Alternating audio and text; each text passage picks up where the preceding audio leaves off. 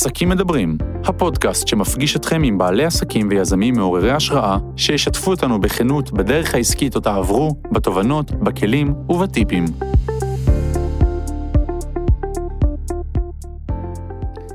היי וברוכים הבאים לפרק מספר 2.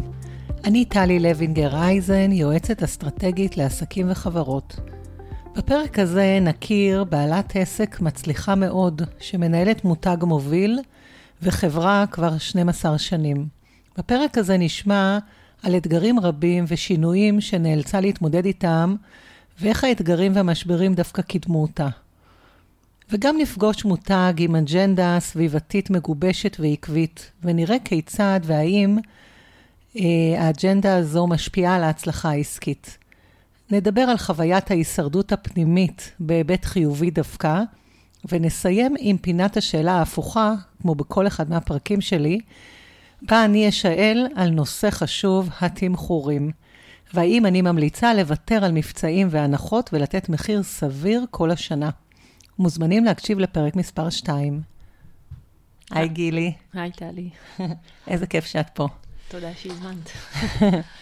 אז גילי רביד היא בוגרת המחלקה לעיצוב טקסטיל בשנקר, בעלת המותג אנג'לי, מותג לבגדים בהשראת היוגה, המתמחה בבגדים טבעיים עם אג'נדה אקולוגית. המותג קיים כבר 12 אה, שנים, שזה קילומטראז' יפה מאוד, ומשווק אה, גם בארץ, גם באירופה, גם ביפן ובארצות הברית.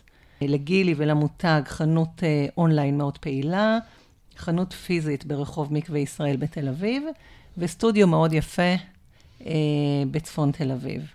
אז עד כאן קצת על גילי. ועל הרקע, ואני... ועל אנג'לי, זה לא על גיל. ועל אנג'לי. מותג שאני אישית מלווה כבר 11 שנים, אז uh, זה יהיה לי מעניין לשמוע אותך ככה מהצד השני של המיקרופון. ואני אתחיל בלשאול, האם תמיד חלמת להיות מעצבת אופנה? אמ, האמת היא שממש לא. אמ, לא הייתי קרובה בכלל לעולם האופנה. אמ, אני באה בתור ילדה, כמו כל הרבה ילדות, לחלום להיות רקדנית. אמ, מחול זה היה בשבילי באמת אה, סיבה לעבור לתל אביב. נכון. הייתה לי אז, אה, היינו בלהקה, וכל החיים היו סביבים, סביב החברות בלהקה, באמת, זה היה מאוד דומיננטי בחיים שלי. אמ, ועמדתי להתחיל ללמוד באקדמיה מחול בירושלים, mm. אה, ונפצעתי. וואו. אמ, וכמו הרבה דברים שקורה משהו, אז אתה מתחיל לחשב וזה. אמ, הרגשתי בעצם שעבדתי אז, אני זוכרת, במלצרות, והיו המון חברים שלי שלמדו משפטים ולמדו פסיכולוגיה, ו... בת כמה היית אז?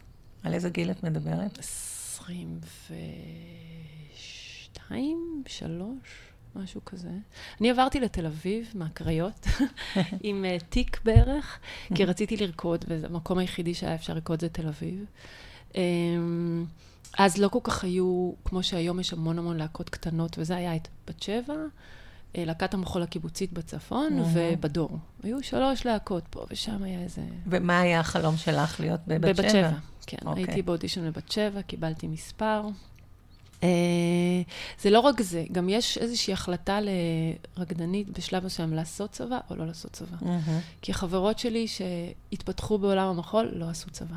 זה שלב מאוד משמעותי, ואני עשיתי. לי זה היה חשוב, אלוהים יודע. למה, אבל זה היה לי חשוב לעשות. Mm-hmm. והייתה לי הפסקה במחול, אבל עברתי לתל אביב בשביל לחזור ולהתחזק, ובאמת רקדתי והלכתי לאודישנים, אבל זה היה עולם אכזרי בשבילי. זה... Mm-hmm. זה עולם כוחני, זה עולם uh, שצריך להיות מאוד... Uh, uh, עם יכולת לראות רק את עצמך, אני לא טובה בזה, לצערי.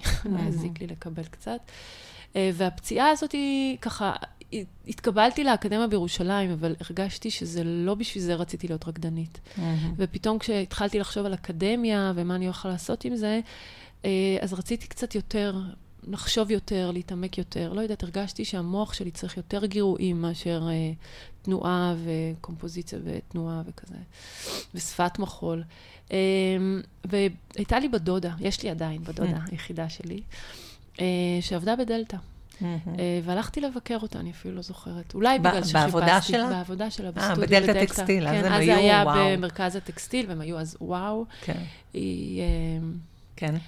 היא הייתה אחראית על... אה, בשוק הגברים בהוגו בוס, לא משנה, זה היה נראה לי ג'וב חיי, Mm-hmm.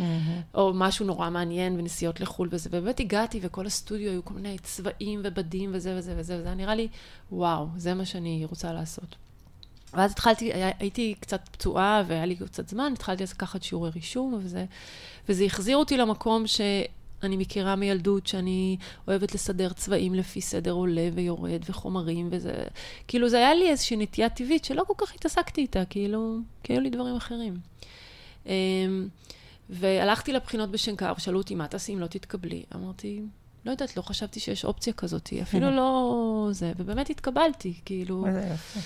והיו לי שנתיים ראשונות לא פשוטות, כי אנשים, הרבה אנשים שבאים לשנקר באים עם רקע וניסיון, ובאמת התעסקות בזה כל החיים. אני הייתי ממש... אה, גם לא הבנתי את רמת ההשקעה שמצפים בבית ספר לעיצוב, זו התמסרות מאוד גדולה. אני עוד עבדתי, ועוד... אה, אה, היו לי איזה מחויבויות שהתנדבתי, באמת, לא הבנתי את גודל המשמעות. אז שנתיים ראשונות היו מאוד מאוד אה, קשות. אה, בהקשר של היחס, כמה משקיעים, מה רוצים ממני, מה יש לי להגיד, במה אני טובה ומה אני לא טובה. יש איזה משהו כזה...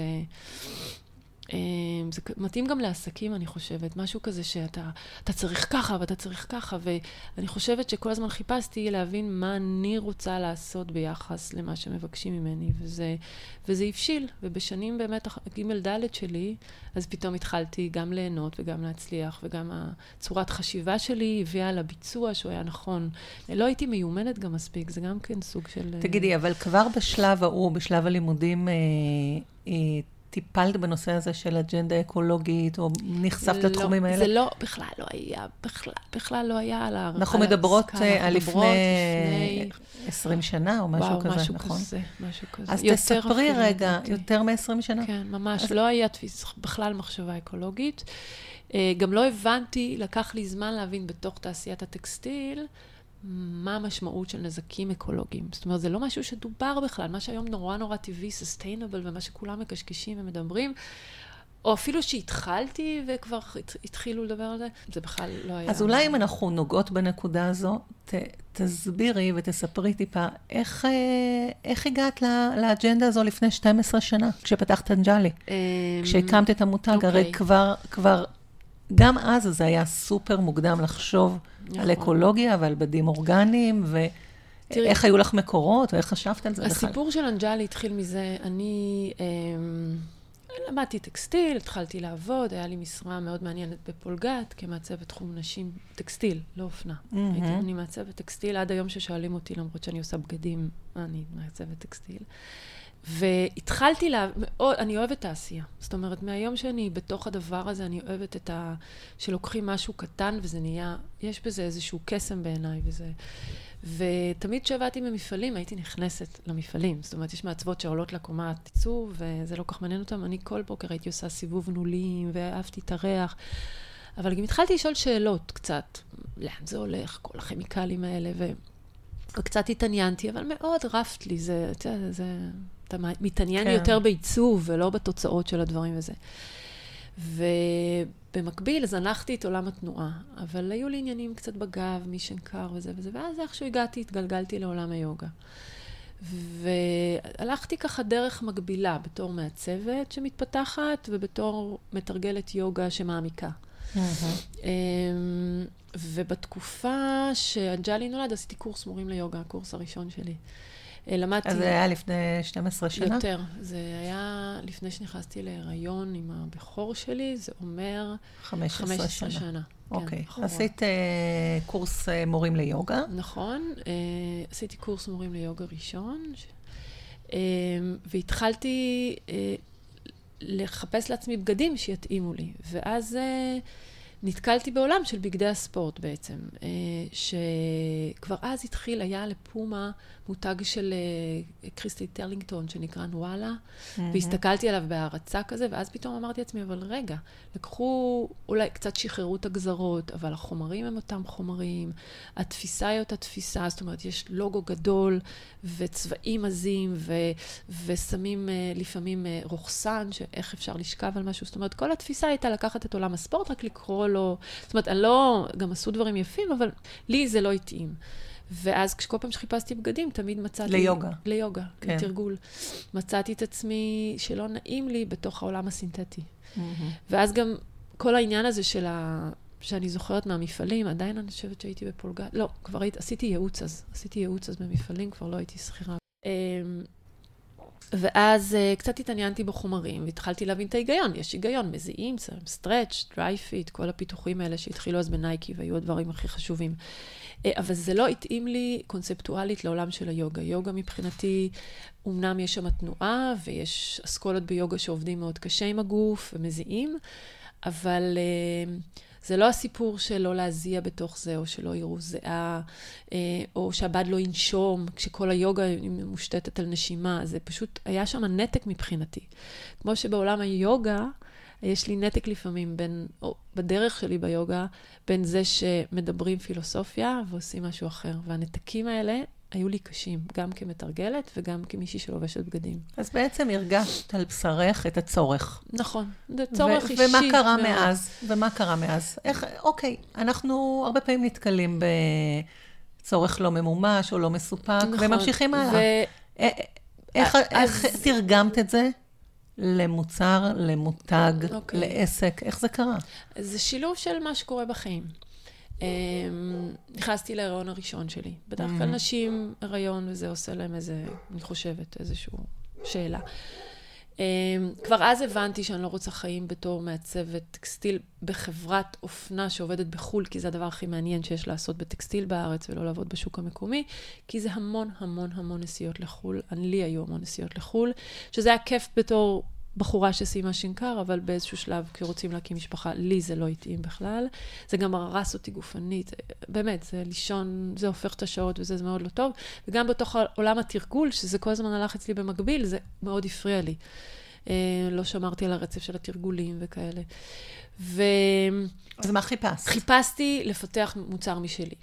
ובתור מעצבת טקסטיל, קשה לפתח מוצר שהוא מכיר, כי לא מוכרים טקסטיל לצרכן הסופ, הסופי. והעבודה שלי בפולגת הביאה אותי לעבוד הרבה עם מעצבים, ולהבין שאני ממש טובה בחיבור הזה בין מוצר לחומר. כלומר, היית, היו באים אליי מעצבי אופנה עם סקיצות וזה, והייתי הרבה פעמים עושה עבורם את הטקסטיל, ו, וגם עוזרת להם בדבר הזה שנקרא לעצב את הקולקציה. זה דיאלוג כזה, שלפעמים כשיש קשר טוב בין שני אנשים, זה קורה. אמ, אז מה שקרה, פשוט אמרתי, היה לי איזושהי מחשבה, הייתה לי מחשבה כזאת, ניסיתי אז לעבוד עם איזה שותף, כי... אה, שבעצם הוא יעשה את האופנה... את השיווק, לא. אה, את השיווק, השיווק. אוקיי. מה שעשיתי, אמרתי, אוקיי, היו לי כמה רעיונות. כן. אה, מצאתי תדמיתנית שהסכימה שאני אעבוד איתה. כלומר, ישבתי איתה מהבוקר עד הערב, ועשינו ביחד את הגזרות. כדי שאני אלמד, כי לא למדתי תדמיתנות הזה, שני קורסים בשנקר, זה לא משהו, בטקסטיל לומדים מאוד מעט. ישבתי איתה כל הקולקציה הראשונה, ישבנו, אני ציירתי ציורים, היא הסבירה לי איך עושים, ישבתי, תפרתי איתה, פשוט, זה היה, זה היה האימון שלי באופנה.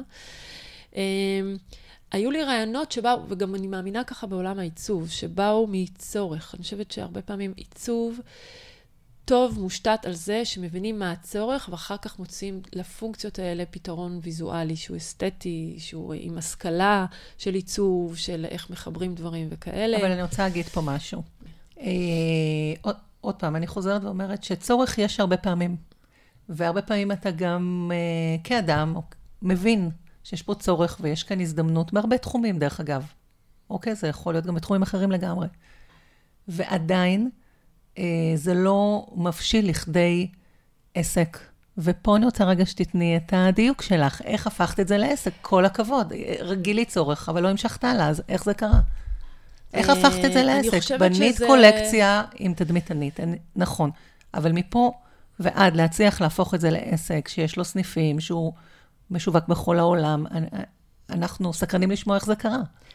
אמ, קודם כל, קצת, כשאת מתארת את זה, זה נורא כיף, זה נשמע מעולה, אבל זה הרבה עבודה קשה, בסך okay. אוקיי. הכל. באמת, הרבה עבודה קשה, יומיומית, עד עצם היום הזה. אין, אין חוויה של וואו, עשיתי את זה, זה כל הזמן כאילו... אה, ללכת אולי יותר בביטחון על החבל הזה של נקרא להיות בעלת עסק, אבל עדיין לשמור כל הזמן על בלנס, לא ליפול ולא... לש... מאוד. ככה אני עובדת, כי אני לא הקמ... הקמתי את העסק שלי בלי משקיעים. בלי גב בלי כלכלי, הון עצמי. בלי הון עצמי. לקחתי... הילדה מהקריות. הילדה מהקריות לקחה פיצויים מפולגת, קנתה בדים, מאיזה מישהו ששלחתי עשרות מיילים, לא הכרתי אפילו את המפעל דרך, לא נסעתי אליהם אפילו, הייתי אז בהיריון. הגיעו הגלילים למרתף שלי בבית שהיה אז שכור ברמת החייל, ותפרתי עשרה דגמים. כאילו, עשיתי אריזות ותפרתי. ואיך הגעת לקהל? היה לי vision. מה שאני חושבת ש, שעשה את הדבר הזה זה שני דברים. א', ש, שפעלתי מתוך איזושהי צורך, רצון להגיד משהו בתחום שלי, של העיצוב. מה רצית להגיד? רציתי לעשות, אז כבר הבנתי, שאני רוצה לעשות אופנה.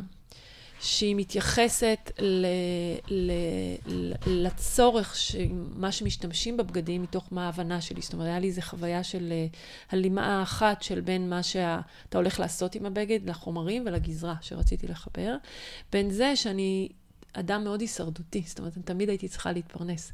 אז השילוב הזה בין איזשהו vision לבין דבר, אני יודעת שאני צריכה להביא עם זה כסף, ולא רק לעשות דברים יפים, אני חושבת שהשילוב של שני הדברים הביאו להבשלה של עסק, שאני זוכרת שאני ואת נפגשנו, אני לא יודעת אם את זוכרת את זה, אני אמרתי לך, תקשיבי, טלי, אם עד סוף השנה אני לא מצליחה להרוויח כסף, אין סיבה שאני אחזיק עסק, אני צריכה להרוויח כסף. אני אז לימדתי בשנקר, ו... זה, זה כאילו נתן לי איזשהו בסיס אה, כלכלי לה, להכניס למשפחה, אבל אמרתי, זה או שאני משקיעה כאילו בתור שכירה. אוקיי, okay, אז מה שאת בעצם אומרת, זה חשוב לזקק את זה רגע ל... באופן מתומצת. כי זה את אומרת דברים מאוד חשובים. את אומרת שפעם אחת את הגעת אה, עם איזשהו ידע, אני קוראת לזה ידע של הגוף, כי את היית רקדנית, ותרגלת יוגה והיית מורה ליוגה, ועלית על צורך. אף פעם לא לימדתי, אני עשיתי איזה שניים, שלושה כן, למדת אבל... אני לומדת עד היום, אני... אוקיי. אה, הבנת את הצורך פעם אחת, שזה מאוד מאוד חשוב להיות בנקודה הזו, להבין שיש צורך ו... ויש לזה פוטנציאל, זה מצד אחד. ומצד שני, השתמשת בהישרדות, שהרבה פעמים אנחנו מתייחסים אליה כמשהו שלילי. Mm-hmm. אנחנו שיפוטיים כלפי זה. זה בא עם ביקורת הרבה פעמים. אבל פה אני דווקא רוצה להאיר את האור החיובי על הישרדות.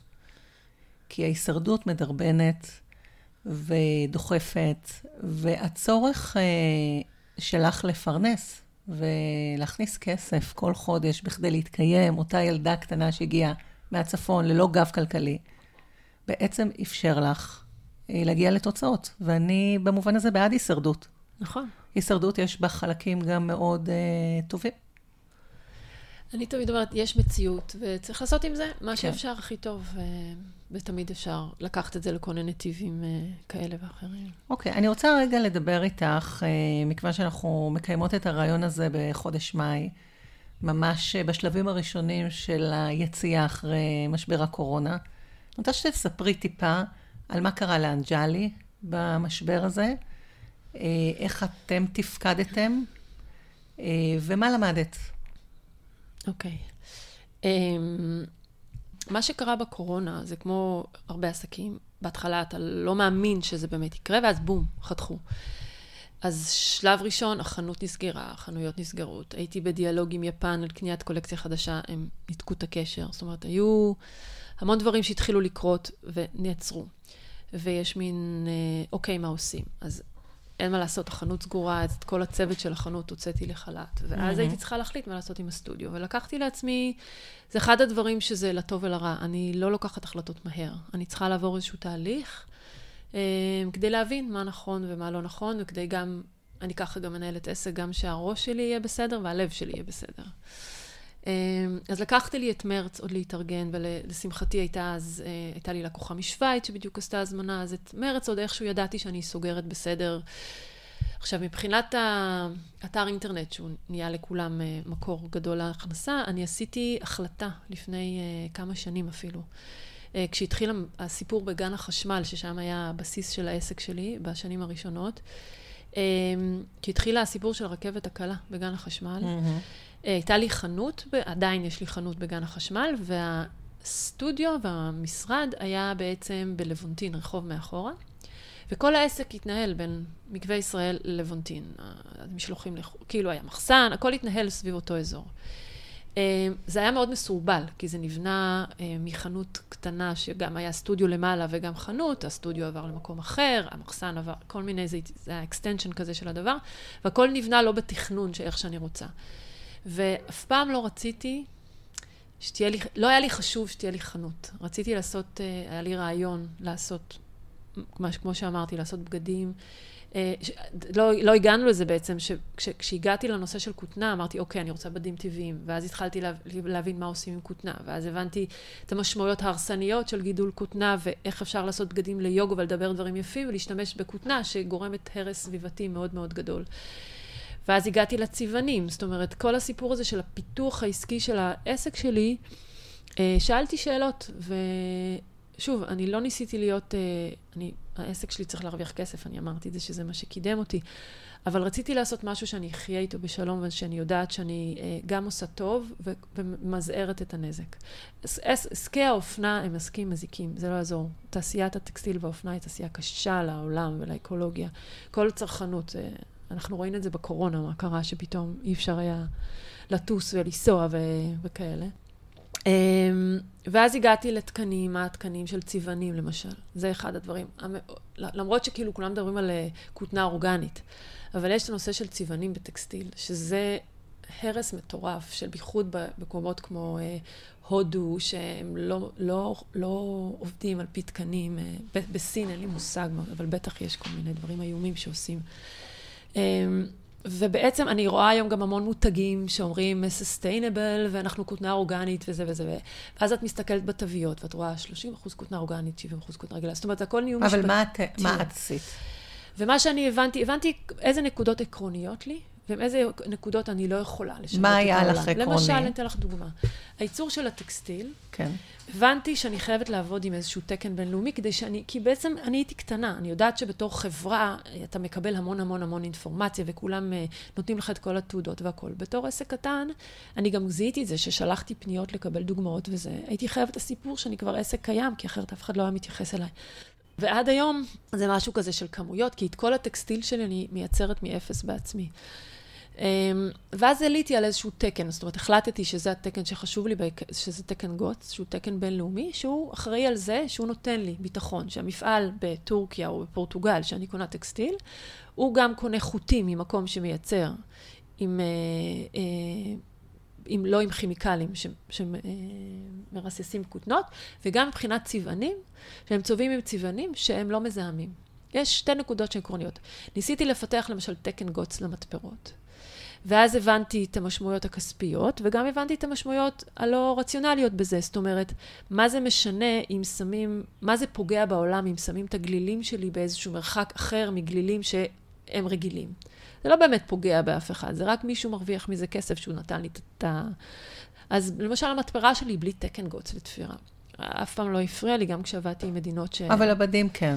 הבדים וזה מה שהנחה אותך, נכון? וזה מה שהנחה אותי. וזה גם מה שמנחה אותי עד היום. אוקיי, אבל מה שרצית לומר... אריזות היו עקרוניות, כן. למשל, כי יש המון תוויות ו- והניילונים שאורזים. אז אני ייצרתי, אני לא רוצה להגיד לך באיזה סכום בכלל, אני ייצרתי בהתחלה אריזות שמתקלות.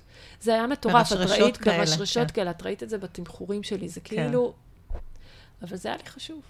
כן. זה היה לי חשוב. אז אפשר אה, לסכם את הפרק הזה ולומר שכשאת בעצם יצאת לשוק והחלטת להקים עסק, חיפשת אג'נדה, וחיפשת עקרונות, וחיפשת אה, סיפור שאת מרגישה איתו טוב, שהוא גם מתחבר ללב, ולא נכון. רק לחלק העסקי. נכון. והתקן הזה מאוד עזר לך והקפדת עליו. הוא עשה לי סדר. הוא נכון. עשה לך סדר.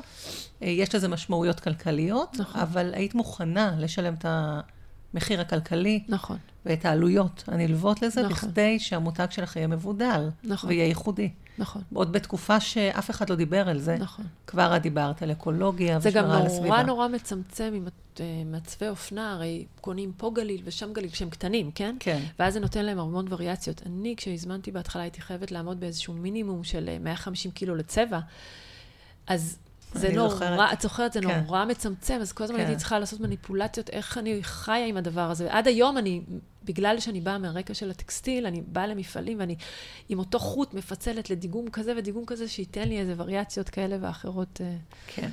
אוקיי, אז בתקופת הקורונה, מה כן, שאת רוצה, נכון. רצית לומר, נתת דגש לאונליין. נכון, מה שרציתי יודעת, להגיד שבמעבר הזה... אני יודעת מה את עשית באונליין בתקופה הזו. נכון. אה, אני חושבת שנעשתה עבודה סופר מקצועית ושווה להסתכל ולראות מה עשית שם, או מה עשיתם שם, כצוות, וזה נתן לך מענה. כי את הבנת כמה שנים קודם כבר, כשהתחיל המשבר בגן החשמל נכון. והרכבת הקלה, כבר אז את הבנת את הכוח של האונליין, התעקשת על חנות, אני זוכרת שבנית אתר שהוא לא היה מספיק טוב, שדרגת אותו, זה עלה הרבה כסף, התעקשת על משהו מאוד איכותי, והוא. סיפק לך את הסחורה אה, בגלל- בקורונה.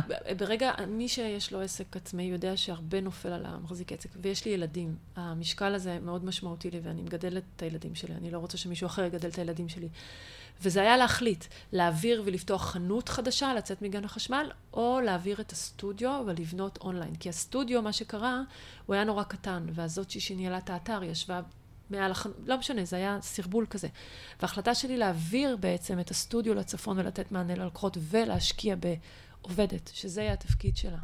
כן. ש- לתת משכורת בעצם. עד היום, כאילו, את יודעת, אני, זה, זה הייתה החלטה לפני, לא יודעת, ארבע שנים. המשכורת שלה תהיה לבנות את האתר אינטרנט ולהשקיע פה וללמוד אותו, אה, שלקח דרך אגב המון זמן. לבנות את האתר. לא רק לבנות, גם לדעת אה, שצריך להשקיע, כמה זה, כמה זה בעצם מסובך ויקר להשקיע באונליין. אני באה כבר מדור שלא גדל על זה. זה משהו שקשה לנו, כולל רשתות חברתיות. זאת אומרת, לי זה קשה. יש נשים בגילי שמתחברות לזה בקלות, אבל באישיות שלי אני לא שם. והכוח הזה של הדיאלוג בין הרשתות החברתיות לאונליין, וזו שפה שהיא, לא גדלתי עליה, והייתי כן. צריכה ללמוד אז אותה. תני לנו כמה עקרונות שמנחים אותך אה, באונליין, והביאו את אנג'לי לעוצמה כזו באונליין. תגידי כמה. אה, אני חושבת שהתפנית הייתה אה, שמנהלת אה, האתר שלי יצאה לחופשת לידה. כי אני תמיד אה, מאוד שמחתי עליה, וגם בגלל שאני עסוקה, וחשבתי שאני לא מבינה שום דבר באונליין, אז נתתי לה לעשות את העבודה. ו- ובעצם כולנו היינו חדשים בתחום, עבדנו עם חברה מקדמת, ועבדנו עם אה, אה, תכנתים, ופתאום כשהיא יצאה, אז רציתי, הבאתי לה מחליפה, אבל מאוד פיקחתי על זה, אז קלטתי איפה הצבא, הנקודות שאנחנו נתקעים בהן. כמו למשל שירות של אה, תכנות. שאנחנו רוצים להעלות איזשהו מבצע, והאתר לא מסוגל לעשות את זה, וצריך לעשות שינוי מסוים, וזה צריך לקרות תוך שלושה-ארבעה ימים, כי לא תמיד אתה מתכנן מבצע אה, חודש מראש, ואתה מביא את הבאגים וזה, אתה בונה איזשהו אה, גאנט כזה לחודש, ואתה בונה מבצע, ואז לפעמים, רגע לפני המבצע, אתה מבין שבעצם זה לא כל כך טוב, כי זה, משום מה לא עלית על זה. אז המיידיות הזאת של לתקן. רגע, אז עקרון אחד, אנחנו מדברים רגע על עקרונות באונליין. אוקיי. עקרון אחד הוא מה? זה אנשים שייתנו לך שירות מהיר. אוקיי. שירות מהיר. זה אחד. שתיים, ההבנה הזאתי שכשנכנסים לחנות, אין מוכרת. הבן אדם לבד עם עצמו. והאתר, הפער בין מה שהאתר, אני באה מטקסטיל, הבגדים שלי, אין איזה עיצוב אה, דרמטי, שכשרואים את זה באונליין, זה ישר קופץ ואתה רוצה. אתה צריך קצת להיות יותר, להיכנס לניואנסים. אז נכון, צילומים יכולים לעזור, אה, טקסט יכול לעזור. אבל כל ה visual צריך לספר את הסיפור. אוקיי. אז נכנסנו... זאת אומרת, את אמרת אחד, אה, שתגובה מהירה וספקים איכותיים. נכון. והדבר השני שאת אומרת בעצם, שאתר ויזואלית, השקעה ויזואלית, ידבר ויה, וישווק את המותג בצורה הכי ברורה ובהירה ומיידית. זה חוויית משתמש. כן. זה כמו שחוויית לה- לקוח להשקיע בחנות. בחוויית משתמש, זה נכון. סופר חשוב זה בעינייך. והעמו- והאתר שלך משדר את מה שאנג'לי צריך לשדר. אני תמיד יש לי מה לעשות. כן. אני תמיד רואה איפה... איפה אני... לא. כן, ומה בדיוק. לא מספיק. ומה רציתי אחרת. וזה, זה, אבל זה, מה כן? זה חלק מהיופי בעיניי. אני עדיין זורמת עם מה שיש, ומסתדרת ולא עוצרת, אבל אני עדיין מסתכלת ואומרת, אבל רציתי את זה ככה. אוקיי, מה וזה עוד מה עש... מה שמקדם כן אותי. עוד עשית? כי תמיד יש לאן לשאוף, וזה אה, זה החלק שיפה בך, שאת תמיד רואה את מה שעוד צריך לעשות, וזה מניע אותך קדימה, בדיוק כמו המוטיבציה נכון, של ההישרדות שדיברנו עליה בהתחלה. נכון. אבל היום אבל אנחנו רוצות יודעת- לדבר גם על הכן. יש משהו במעצבים שהם קוראים לזה פרפקציוניזם, אני לא יודעת אה, אם זו מילה גדולה. משהו במעצבים שלא, אני רוצה את זה בצורה כל כך, אה, לא, יש שם איזה vision ויזואלי שהם רוצים את זה. וההבנה הזאת היא שזה כמו גמישות בחיים קצת, של בין כן. הפער הזה, של איך שאתה היית נורא רוצה את זה, ובין זה שיש דדליין, או שיש עניין של שאתה הראשון. כמו למשל הקורונה. אני חושבת שאני עברתי את התקופה הזאת יחסית בשלום, בזכות זה שהקולקציה שלי הייתה מוכנה. מראש, וצילמתי מראש, והשקעתי מראש. הבנות... והאתר שלך כבר היה סופר בשל, והשירות, כבר, נכון, היכולת התפעולית גבוהה. נכון, התחלתי כבר להשקיע בכל מיני דברים שחשבתי שצריך להשקיע בבק אופיס של האתר, אה, והחלפתי חברת שליחויות. כל הזמן לא פחדתי לעשות שינויים שראיתי, ש... והחלפתי מקדם, הכל החלפתי, באמת, החלפתי ממש מאפס. אה, זה לא אומר שצריך לרוץ להחליף, אני עובדת עם ספקים, המתפרה שלי, אני עובדת אותה מהיום הראשון, אבל uh, כשאתה, כשדברים צולעים, צריך לדעת לפעמים לעשות החלפות, אין ברירה. Uh, אז מה שאת אומרת, בנוסף לשני הדברים שדיברנו. בייחוד בתחום של האונליין, דרך אגב, כי זה עולם שהרבה פעמים אנשים לא מבינים בהם.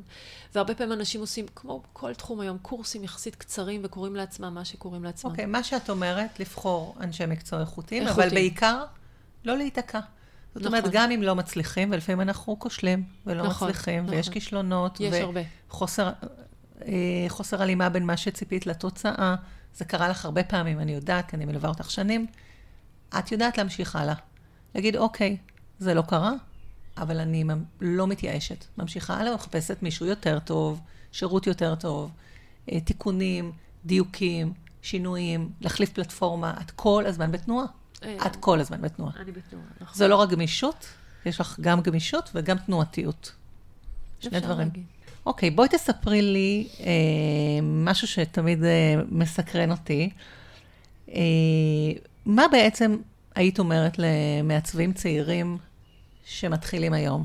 בתור מישהי שיש לה כבר עסק אה, 12 שנים, ככה אם הייתי אומרת לך, אה, גילי, דברי להם אל ליבם ותאמרי שניים, שלושה דברים שיכולים באמת לסייע להם להצליח. אמ, אני חושבת שנורא חשוב שאדם יבין אם הוא באמת יש לו מה לתרום. זה משמעותי. אה, זה לא שאי אפשר, לה... העולם חי מהעתקות, זה בסדר, אבל אני חושבת שהמעצבים אה, הלכו לתחום הזה כי הם רצו לעשות משהו משלהם, ויש להם רצון לעשות, לדייק את הדברים. כל מעצב תמיד יש לו דעה על פריטים כאלה או אחרים, גם אם זה לא תחום העיצוב שלו. אז מעצב שאין לו סיבה להיות עצמאי, שילך לעשות דברים אצל, לעשות דברים יפים אחרים, אבל לא ייזום את זה. דבר שני, שהוא צריך להבין, בעיניי זה נורא נורא חשוב, וזה דווקא החלק ה... לא יודעת אם להגיד עצוב, אבל... המאתגר. המאתגר בסיפור, זה שאתה הופך ונהיה משהו שאתה לא בטוח שאתה רוצה להיות. אתה מנהל כוח אדם, ואתה צריך לעבוד על כספים ועל תזרימים, ואתה צריך uh, לעמוד בלחצים, ואתה צריך לקחת החלטות. ואתה, אני נמצאת כל הזמן במקום שאני אומרת, אם רק ייתנו לי לעשות את העבודה שלי, זה יהיה הרבה יותר כיף. היה איזה יום אחד השבוע. זאת אומרת, כן. שהייתה לי עובדת שחולה, ועובדת שלא הגיעה, ועוד עובדת מהקורונה שעובדת מהבית, והייתי עם עובדת אחת, ורק עשיתי קולקציה. ואמרתי לעצמי, אם רק היו נותנים לי רק לעשות את מה שאני, בכלל בשביל הקמתי את העסק, היה לי, היה לי כיף. זאת אומרת, מה שאת אומרת בעצם, שפעם אחת תחפש את הערך שאתה מביא. נכון. תתחבר לאיזשהו ערך עמוק, נכון. לא שטחי, לא נכון. copy-paste, לא more of the same, משהו אחר. אה, כמו שאת עשית בתחילת הדרך. ותהיה ביקורתי כלפי עצמך. זאת אומרת, אני חושבת שזה מאוד uh, משמעותי, להסתכל במראה כן. ולהגיד, באמת זה... תהיה ביקורתי, דיברנו על פרפקציוניזם טיפה. אבל, תוך, אבל גמיש. נכון. כי לא... זו נקודה שאת העלית את הביקורתיות ואת ה... עם גמישות. אני חושבת זה ברמה של כנות. כן. אוקיי? זה כנות, זה משהו שחשוב לבן אדם להסתכל אה, בכנות, ולהיות... אה, קצת uh, לצאת מעצמו ולהסתכל, רגע, אם מישהו היה מספר לך את הרעיון הזה, האם היית משתכנע, כן. בדיוק.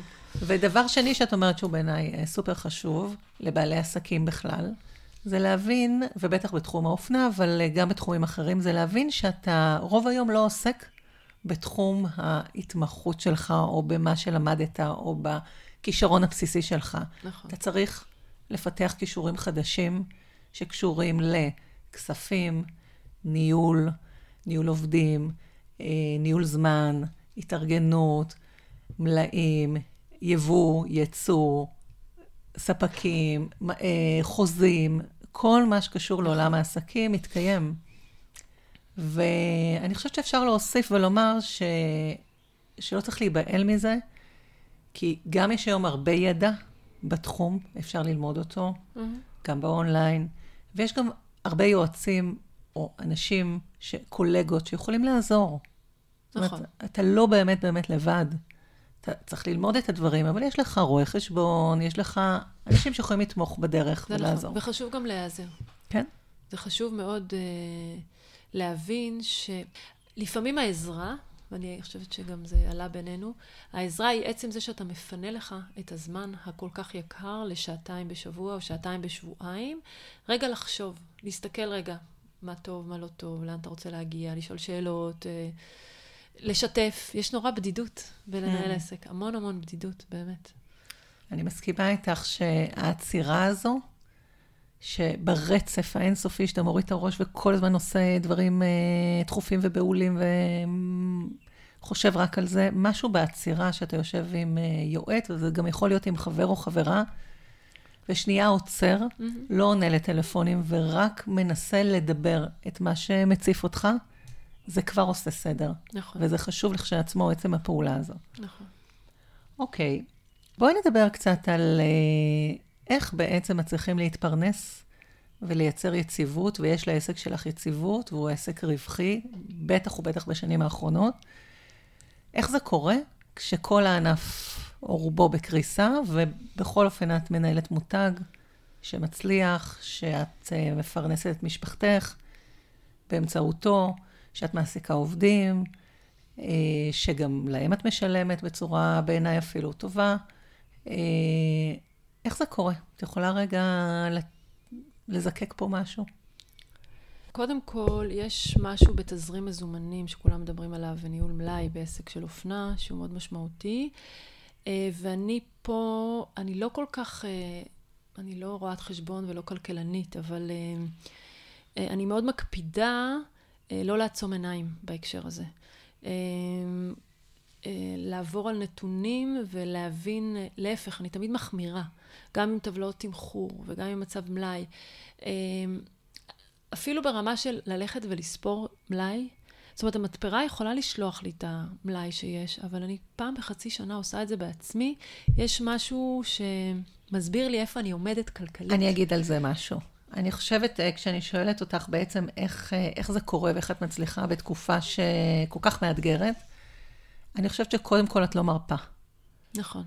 את שם כל הזמן, עד הדיטלים הכי קטנים. זה לא שהגעת למצב שיש לך הרבה עובדות יחסית, או עובדים, ואת uh, מרוחקת ונותנת לאנשים, את סומכת על אנשים, אבל את, את לא מרפה. את כל הזמן uh, נכנסת לרזולוציות קטנות, זה גם חלק מהתכונות שלך, היכולת להיכנס ל, לרזולוציות הקטנות, לעשות זום אין, זום אאוט, וגם הרחבות יותר. אז אחד הדברים שאני חושבת שהם מאוד חשובים לאנשי עסקים, או למעצבים שרוצים להיות בעלי עסק, זה להיות שם כל הזמן. לא לחשוב שיש דברים שהם לא, לא מתאימים גם אחרי 12 שנה. זה נכון. את גם סופרת המלאי, את גם הולכת למתפרה, את מחטטת רגליים, את לא נחה על זרי הדפנה, זה דבר אחד. נכון. מה עוד? אמ, דבר נוסף שאני חושבת זה שנאמנות לאג'נדה מחזיקה עסק. מסכימה איתך, לגמרי. אה, כי, ו, וזה משהו פה שמצד, תראי, הולכים, אפרופו ייעוצים, את הולכת לאנשים, כל אחד יש לו דעות וזה. בעל עסק בשורה התחתונה צריך להבין שהוא משלם על זה ונהנה מזה, שני הכיוונים. אז צריך לעשות איזשהו בדק בית, מה, לאן רצית להגיע, או מה אתה רוצה לעשות. ואם, נגיד, דוגמה הכי בסיסית בעולם האופנה, ייצור לא בישראל, אוקיי? זה משהו שגם אנחנו דיברנו, זה להקטין עלויות ייצור. רק, רק המחש... 20 אחוז מעלות ייצור להוריד בה, והרי uh, העסק נהיה יותר רווחי. נכון. וזה לא שלא בדקתי, זה בדיוק העניין. אני הלכתי ובדקתי, לא אמרתי, לא, אני לא מוכנה להתעסק עם זה וזה. אבל כשפתחתי את העסק, חלק מהעניין היה לתת פרנסה בישראל. אני אפילו רציתי לייצר טקסטיל בישראל. אני לא הצלחתי, אבל זה היה לי באג'נדה, כאילו. אולי עוד תצליחי. אה, זה... לא, אני הייתי במפעלי טקסטיל, רק אמרו לי, את, אין בעיה, תחזיקי את המלאי של החוטים. מזל שהבנתי שיש גבול לאיזה מלאי אני אחזיק. כי לא היו אז מלאים. לא היו אנשים אה, שמייצרים טקסטיל אה, אקולוגי. אה, אז, אני- היית נאמנה אז אני חושבת, לאג'נדה שלך. הייתי נאמנה לזה שטוב לי לייצר במקום שאני מכירה, יש לי מערכת יחסים, ויש שם בעיות, באמת, תמיד יש בעיות. אבל יש משהו ב, בקצב ובשליטה שאני מכירה שלא... ת... ועשיתי קצת ניסיונות, אבל באמת, כדי לדעת אם זה טוב לי או לא טוב לי, ובאמת לדעת על בשרי מה טוב לי ומה לא. והרגשתי שזה לא נכון לעסק, למבנה שלו, לגודל שלו, לתפיסה שלו, למה שהוא מציע. ואני חושבת שזה שמר עליי, בסופו של דבר. הדבר הזה, הנאמנות לעיקרון הזה של כן לעשות ייצור מקומי ו... כן, וגם העקביות, יש פה נאמנות לאג'נדה, גם במובן הזה שהיית נאמנה לאנשים. שליוו אותך לאורך כל הדרך ולא חיפשת רק את היותר זול. ודבר שני, אני חושבת שגם הייתה לך עקביות באג'נדה. פשוט אג'נדה עקבית לאורך כל הדרך, לא זיגזגת. אה, לא זיגזגתי. היה מאוד מאוד ברור שמדובר בבגדי נוחות, שהם אקולוגיים, שהם אה, אורגניים אני רוצה להגיד שזה נשמע, הייתי, אני לא דווקא מי ש... אני לא כזאת ששמה ריתמות כמו סוס והולכת אל המטרה. אני מאוד קשובה, ואני דווקא כן, את יודעת, הלכתי ככה ימינה-שמאלה בעדינות, הייתי אומרת, קצת יותר אופנה, קצת יותר פחות יוגה, קצת יותר יוגה. זאת אומרת, אני כל הזמן מהלכת בתוך זה ובוחנת מה נכון לי ומה נכון לתקופה. אה, אבל עדיין הליבה היא שם. הליבה של מה שחשוב לי לעשות ומה שיש לי להגיד בכלל, היא שם. היא כן, והיית עקבית. כן. עקביות. עקביות. יפה. יפה מאוד. אה, לפני שאנחנו עוברות לשאלה האחרונה, שבעצם, אה, כמו שתמיד אנחנו עושות בסוף, את שואלת אותי שאלה הפוכה, okay. אוקיי. כדי שאני גם קצת אייצג את העמדה של היועצים ושל אנשים שנותנים ייעוץ, ואוכל קצת לחלוק אה, מהדרך חשיבה שלנו. אני רוצה להגיד לך כמה דברים באופן אישי. אוקיי. שזה מאוד מרגש אותי שאת פה היום, שתדעי. כי אני מלווה אותך 11 שנים, וזה דבר אה, נדיר. אני ראיתי אותך בהריונות ובלידות, וראיתי את העסק בהמון המון שלבים. אני גאה מאוד בעסק שלך ולהיות יועצת שלך, and off לאורך כל השנים האלו. אה, ואני מתרשמת, וחשוב לי שתשמעי את זה גם, ואני שמחה שגם המאזינים שלנו שומעים, כי זה אמיתי. אני ממש מתרשמת מהאיכויות ומהיכולות שלך. זה איזשהו שילוב אה, של מצד אחד אה, מוטיבציה גבוהה, אה, עקרונות ואג'נדות חברתיות מתקופה שעוד לא דיברו על זה, ביחד עם יכולת הקשבה ו... והמון המון המון נחישות. ועוד דבר ששמתי לב רק היום כששוחחנו, זה שהיו לך כל הזמן, כמו לכולנו, משברים. ותמיד הם מינפו אותך. את שמת לב? כשהיית אה, רקדנית, נפצעת, זה מינף אותך לעבור למקצוע הנוכחי שלך. אה, כשבנו את הרכבת הקלה על האף של ה... ואני זוכרת את זה, של החנות, על האף, במרחק מטר. במקום לבכות, בכינו בהתחלה, אבל במקום לבכות, עברת לסטודיו יותר גדול, אה, בנית את חנות האונליין שלך שהוכיחה את עצמה מעל ומעבר. זאת אומרת, את סיפור מקרה מאוד מעניין, אבל אה, גם מעורר השראה, לא אבל, אלא ממש מעורר השראה, שמקשיים ומאתגרים ומהרבה כישלונות, כל פעם צמחת בצורה יותר טובה, והנה גם בתקופה שמדברים על סגירת עסקים בענף. הזה, של האופנה והטקסטיל, טפו טפו טפו, אנג'לי מותג רלוונטי, לא נס לחו, מוכר יפה, עבד טוב בקורונה, ואני הכי מאושרת, אני מרגישה כמו אימא, שמאושרת ב, ב, בתוצרים ש, של איפה שאת נמצאת. אז uh, תודה ששמחת עליי לאורך כל הדרך, ושיתפת אותי גם בדברים מאוד קשים וגם בדברים מאוד משמחים, וזה הכיף של המקצוע שלי, להיות שם, בדרך, יד ביד. תודה. אז תשאלי אותי שאלה. אה, תמיד יש לי הרבה שאלות. אה, לא, אחת. כן, כן, אחת, אחת, אחת, אני מתלבטת בראש לשנייה. אה, אני חושבת שאני אתעסק במשהו שהוא מאוד פשוט, אבל מאוד מורכב. כן. הנושא של תמחור. מה שקרה בעסק שלי כעסק בוטיק, תמיד הגעתי למחירים שעבור הצרכן זה היה מחיר יחסית גבוה ביחס לשוק. ובייחוד שכל הנושא של האונליין נפתח עוד לפני הקורונה, כבר כמה שנים אחורה, וניתן היה להשיג כל מיני דברים דומים אך שונים במחירים הרבה יותר uh, אטרקטיביים. Uh, כל הזמן תהיתי כמה אני צריכה, uh, כמה, כמה אני יכולה לרדת, כמה... אה, איך, האם להגיע ל, מראש למחיר יותר נמוך, כדי שכולם uh, יוכלו יותר ליהנות מהמוצרים שלי, כי רצו וטענו שזה יקר, או כל הזמן להתבסס על מבצעים, כי הציבור, התרבות הזאת של היום היא, uh, בוא נראה כמה אני ארוויח על המוצר. זו התרבות של הקנייה היום, לצערי, כן? זה לא כן. תרבות שכיף לי איתה לחיות. אז מה השאלה בעצם? אז השאלה היא, האם uh, אפשר לחנך לקוחות להבין שזה המחיר שאני יכולה לתת להם, ולתת להם מחיר יותר אטרקטיבי מראש, mm-hmm. ולמזער את המבצעים. לא, את יודעת, לא... היום התרבות היא שכל הזמן מייצרים... זה, חלק מהיצירתיות שלי היום זה איך לייצר מבצע ושהוא יישמע אחרת אה, ללקוחות, ושהוא לא יגיד, כל הזמן אנחנו בסייל, בסייל, בסייל. ואני לא אוהבת את זה, זה לא מרגיש לי נכון. ככה לתקשר עם לקוחות. אני, לקוחות הם לא רק אה, בואו קנו ותלכו, זה דיאלוג כזה. אני אוהבת את הלקוחות שלי ואני מנסה לתת להם את גם מכירה טוב. אותם, הרבה מאוד הרבה מהם, מאוד. זה נורא יפה. אני אוהבת לתת להם משהו שאני חושבת שהוא טוב, והם בתמורה קונים, זאת אומרת, אוקיי. זה היחסים. אני אגיד לך ככה. אה, קודם כל, תמחור זה דבר סופר חשוב לעסק, זו הליבה, וצריך אה, הרבה מאוד להתעכב שם, לחפור שם, לדייק שם. ולהשתדל להוזיל עלויות בלי, עם מינימום פגיעה באיכויות, אוקיי? זו כן משימה. הקהל, הצרכנים, קונים אה, מוצר לא לפי המחיר שלו, אלא לפי המחיר ביחס לערך שהוא נותן.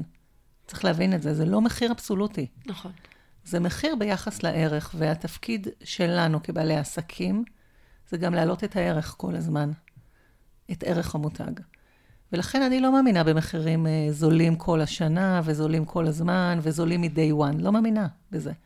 אם יש לנו ערך וסיפור ונראות ואיכות, אנחנו בונים ערך, אנחנו יכולים גם uh, לקחת uh, מחיר uh, מותאם. עכשיו, בעסק כמו שלך, שבתחילת הדרך התחלנו עם איזשהו מרווח מסוים, ואחר כך שינינו את המרווח. אני חושבת שצריך להתבונן כבר בעסק, בוא נגיד, ותיק, שעובד טוב, צריך ברמת המרווח להסתכל על המרווח הממוצע. Okay. אוקיי. את תמיד תוכלי לתת, ואת גם עושה את זה, אה, פריטים מסוימים במרווח יותר נמוך עבורך, ופריטים אחרים במרווח יותר גבוה, ובממוצע, להיות במקום שאת מכסה את העלויות הקבועות שלך, עושה את העמסות הנכונות.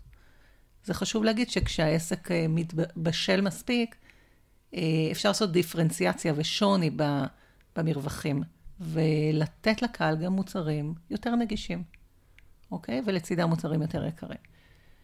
אז זה בנושא התמחור. בנושא מבצעים, שהכנסת גם את זה ככה בשאלה, אה, אני מבינה שאת לא אוהבת את זה שאת אה, בתקשורת דרך מבצעים והנחות והטבות וקופונים עם הלקוחות שלך.